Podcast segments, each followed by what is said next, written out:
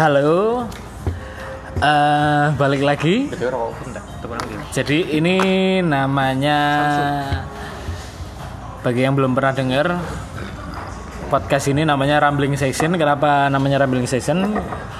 Ya karena rambling itu adalah ocehan, session adalah sesi. Berarti sesi ocehan yang dilakukan oleh diri saya dengan teman-teman saya. Jadi intinya seperti itu.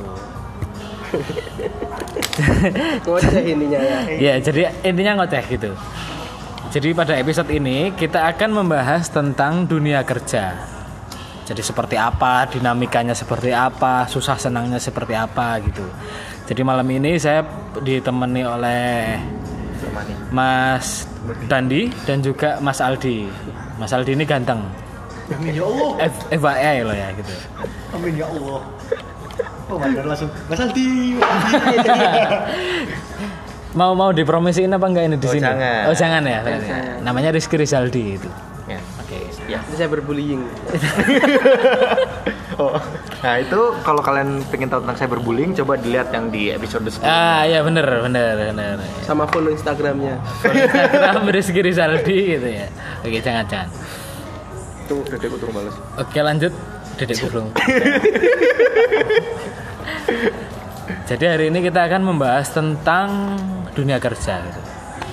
Ah, coba eh, Mas Dandi apa sih yang Mas Dandi rasain gitu? Dunia kerja itu seperti apa gitu? Apa bedanya sama dunia perkuliahan yang selama ini kita lakuin gitu?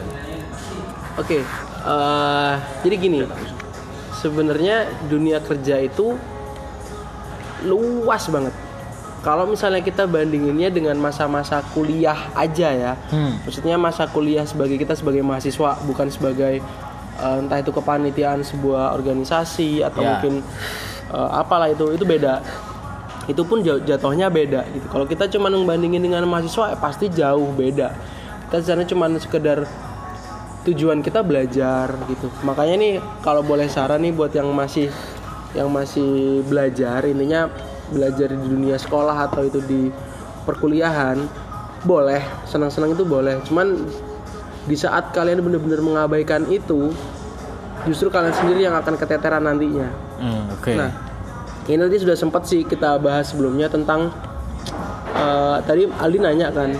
Terus kalau kayak gitu, mending kita SMK aja dong daripada SMA. Kayak Iya. gitu kan. Iya. Itu kalau menurut aku sendiri pribadi, gini tentang masa kapan sih kita mau kerja? Hmm. Kalau kita pengen kerjanya itu cepat, maksudnya di usia muda kita udah kerja, Yes. itu SMK memang lebih tepat. Kenapa? Karena di saat kita SMK kita langsung menjurus. Kita langsung yang kita pelajari dan lain sebagainya itu langsung menjurus dan mengarah ke kerjaan Oke. gitu. Tapi kalau sedangkan kalau di SMA itu beda. Wah. Itu beda lagi. Dia anak yang kebanyakan ya, anak yang SMA, dia pasti pandangannya anak sekarang khususnya dan orang tua yang punya anak SMA zaman sekarang khususnya. Di saat dia menyekolahkan anaknya atau dia bersekolah di SMA, dia pasti punya pandangan untuk kuliah. Dia pasti ada satu step lagi nih yang harus diambil, yang harus dilaluin Iya. yaitu kuliah. Kenapa seperti itu? Karena di saat dia hanya SMA, terus dia mau kerja, dia bakal apa yang namanya? ya, Ketindih, Iya. Ketumpuk, ketutup. Sama Ah, sama anak-anak yang udah punya eh, titel gitu lah iya, ya. bukan bukan bukan cuma punya titel sama anak-anak yang emang udah punya keahlian khusus ya. Yes. Kayak anak SMK atau mungkin mahasiswa yang udah lulus kayak gitu. Oke. Gitu. Nah terus gini nih mas kan, kok mas ya? Udahlah. Enggak apa-apa. Iya, Dek. Iya, Dek. Enggak, jadi gini kan kita nggak bisa memungkiri juga saat kita ingin mengapply ke satu pekerjaan mereka sudah meminta kita untuk punya pengalaman nih. Iya. Oke lah kalau kita dari SMK kita punya pengalaman dari situ. Tapi kalau kita dari SMA dan kuliah kita benar-benar fresh graduate nih. Kita mau Ya, kerjaan oke. kita kan nggak bisa masuk juga kalau nggak ada pengalaman. Nah itu gimana sih caranya untuk menanggulangi tersebut? Mengatasi itulah. Ah, Oke, jadi gini, bener banget. Apalagi di zaman sekarang ya, kalau kita cobalah cari info-info lowongan kerja di mana-mana ada itu di eh, internet atau mungkin di tempat-tempat yang masih konvensional, itu emang dicari dan mungkin diutamakan yang berpengalaman. Oke. Tapi biasanya orang-orang yang non pengalaman atau anak-anak fresh graduate dia tetap coba Kenapa seperti itu? Jadi gini, kenapa sih kok perusahaan itu cari orang yang pengalaman?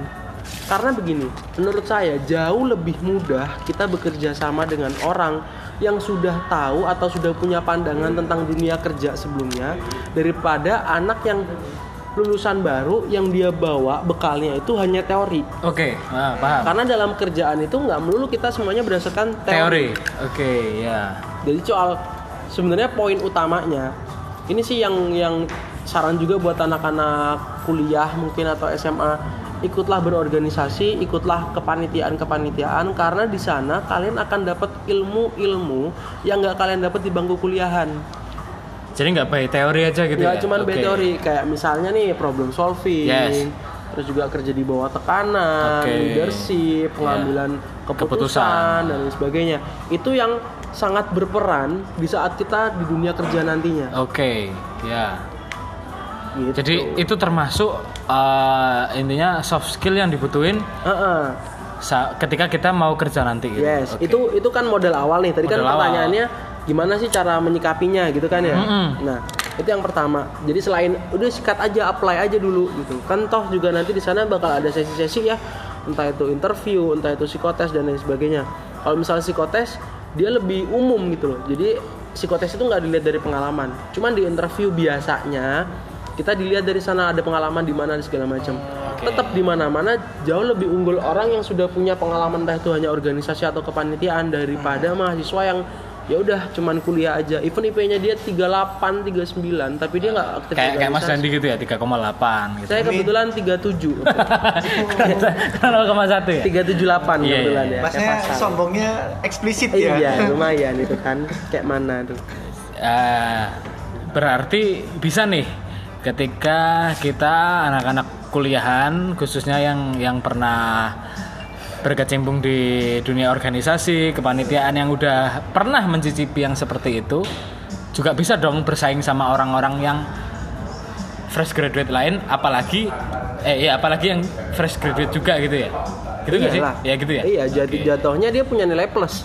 ah. Nah, usahakan juga di saat kalian itu aktif di dunia eh, kepanitiaan atau organisasi, kalian juga di posisi-posisi yang mungkin itu bisa mengembangkan soft skill kalian. oh Kayak misal koordinator atau Oke. mungkin kalian jadi kadif ya Oke. kan kayak Mas Billy ya kan. gitu. Jadi kayak jadi eh, FYI ini buat teman-teman. Mas Billy jadi, ini dulu bukan bukan bukan bukan bukan. Dan dia bukan. juga ketua SD. Ah, ah, Ya. SD. Jadi student itu adalah ospek di Fakultas Psikologi gitu ya, bukan. Ke mana-mana ya kan. Nggak nggak malah sombong gitu iya. Jadi FYI aja ini si Mas Dandi ini teman saya waktu kuliah, sahabat saya, dia pernah jadi ketua ospek di Fakultas Psikologi dan juga pernah menjadi eh, ketua event eh bukan bukan ketua event saya pak ya.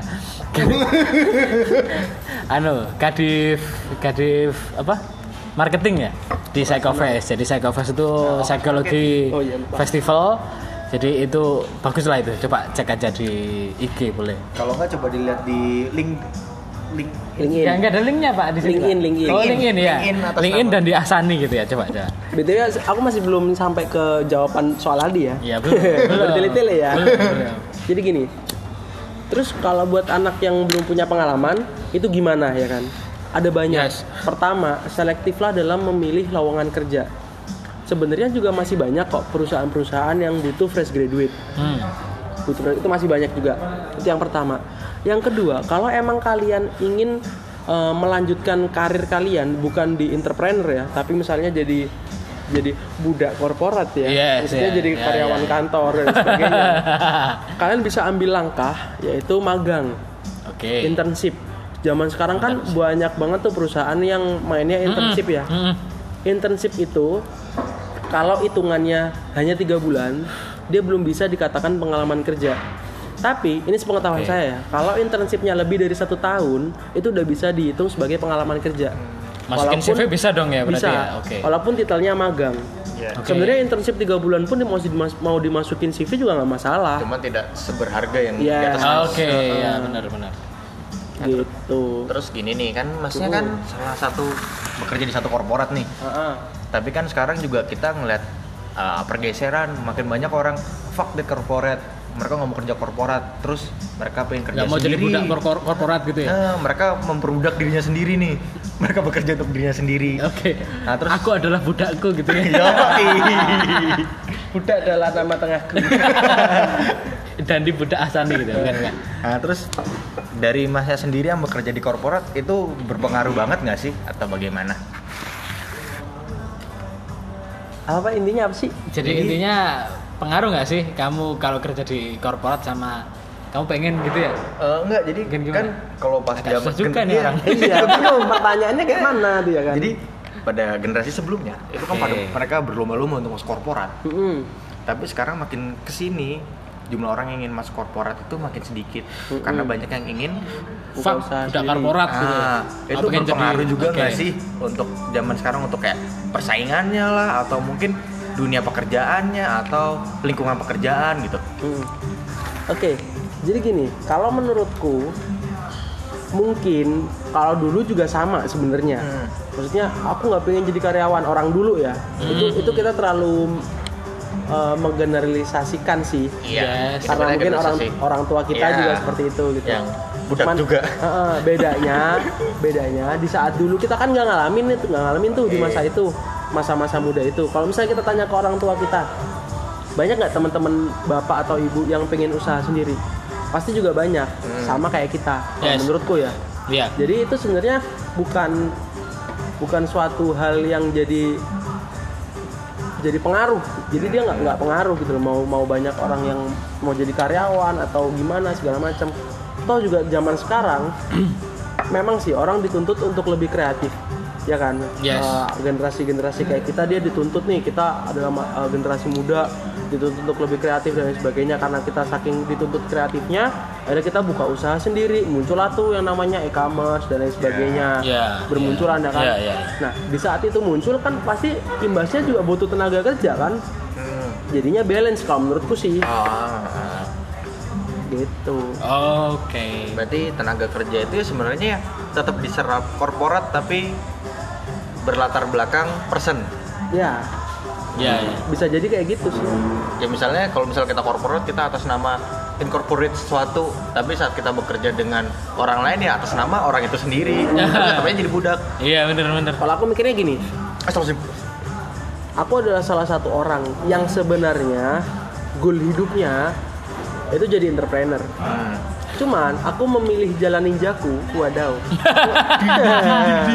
aku memilih jalan ninjaku sebagai aku ikut orang dulu. oke Aku ikut orang dulu. ah, Aku- untuk apa tuh mas untuk apa untuk apa? Eh, jawaban klasiknya oke ya untuk belajar. oke Di saat nanti kita udah punya sendiri, kita tahu tuh cara memperlakukan bawahan dan sebagainya karena kita mungkin startnya dari bawah.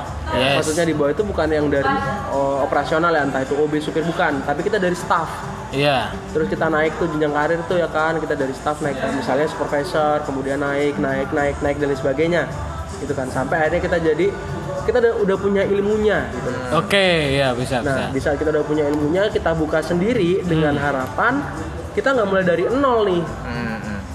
gitu. Itu kalau saya eh, dari sudut pandang orang yang sebenarnya juga pingin buka usaha sendiri tapi mengawalinya itu dari ikut orang dulu entah untuk mengumpulkan modal belajar dan lain sebagainya. Oke. Terus jadi Kak- banyak pembelajaran di ketika kamu pengen jadi pengusaha sebelumnya aku harus nih gitu. Hmm, aku harus belajar nih dulu belajar nih. dulu nih Ah. gitu.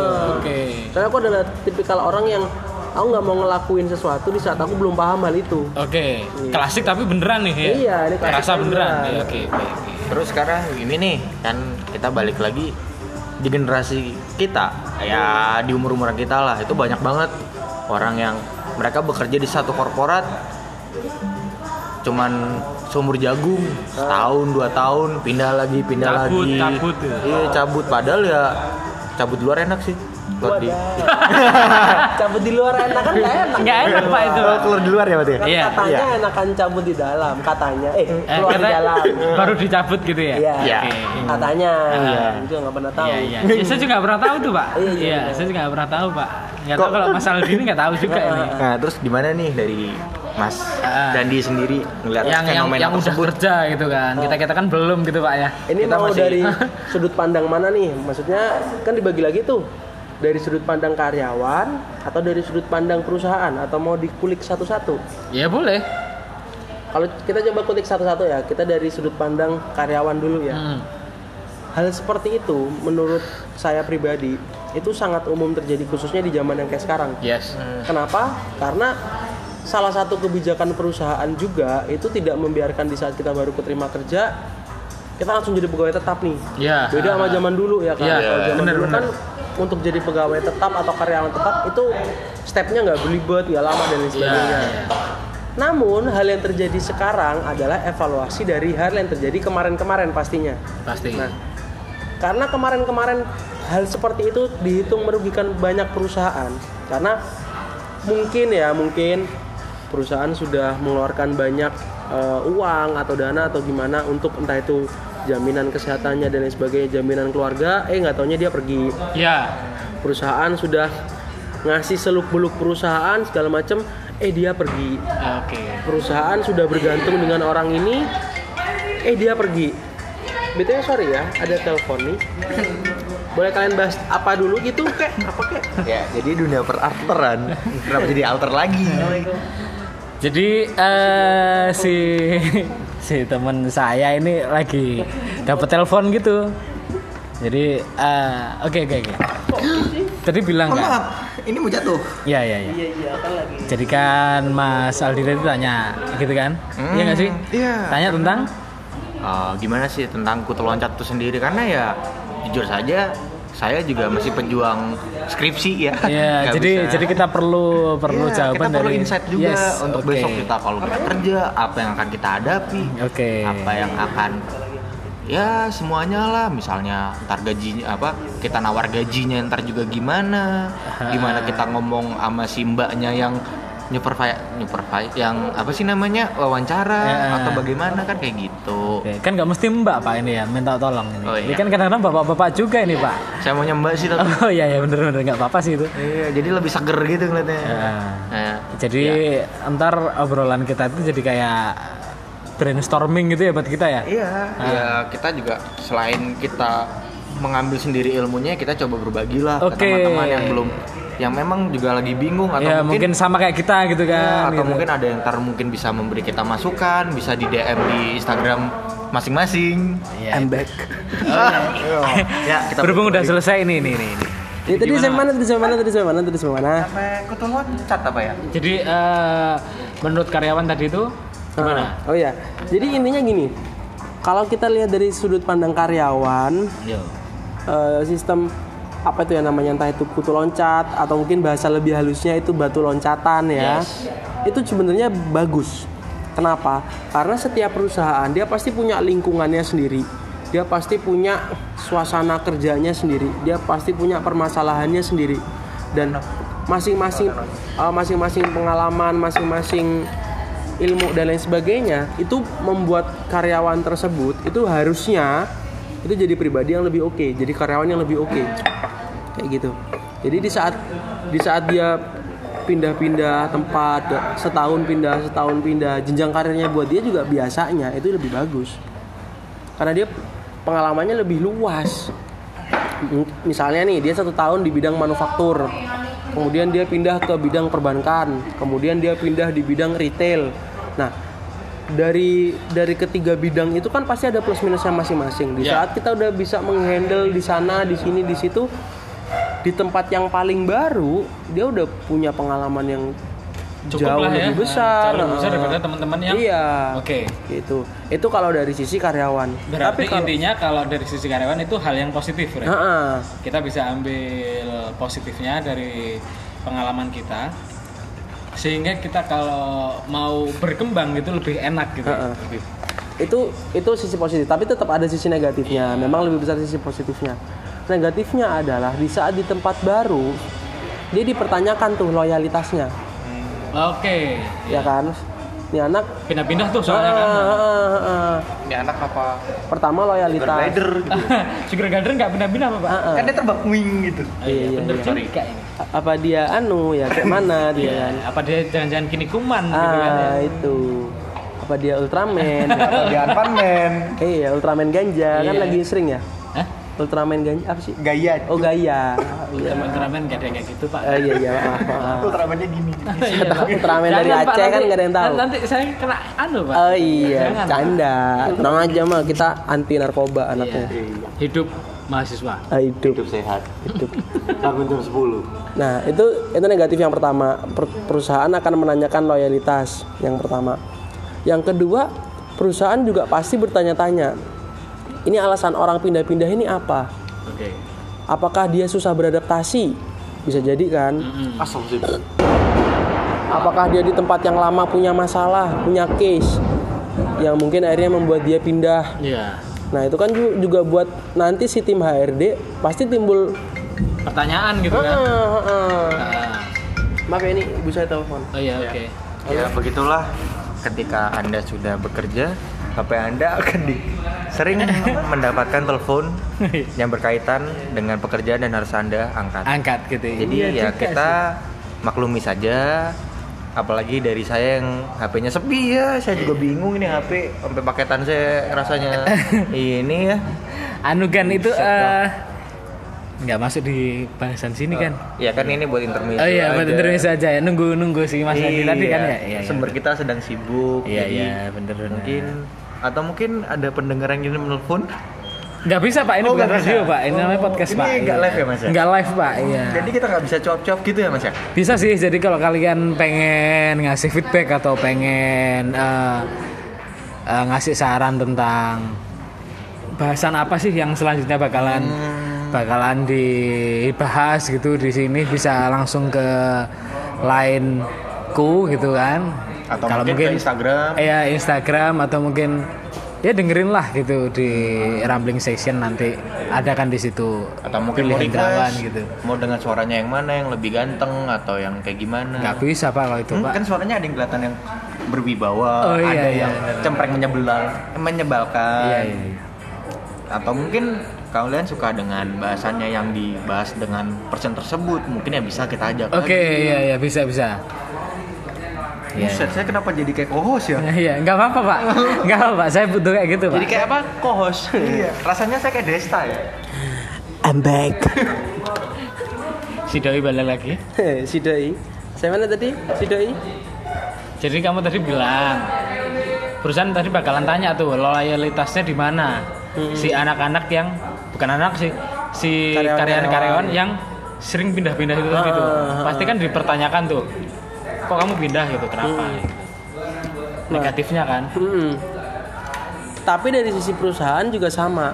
Ada nilai positif dari karyawan-karyawan seperti itu, ada pula nilai negatifnya. Ah, Nah, di saat nilai negatifnya seperti yang tadi saya bilang, di saat perusahaan sudah menaruh kepercayaan nih terhadap nih orang, terus juga perusahaan sudah mengeluarkan uang banyak nih buat nih orang kayak misal nih perusahaan sudah ngikutin dia ke workshop-workshop dibiayain pakai duit perusahaan. ah, si A nih ya, udah, Ah, udah dididik. Si A udah dididik nih, Ah. jadi pribadi yang oke segala macem.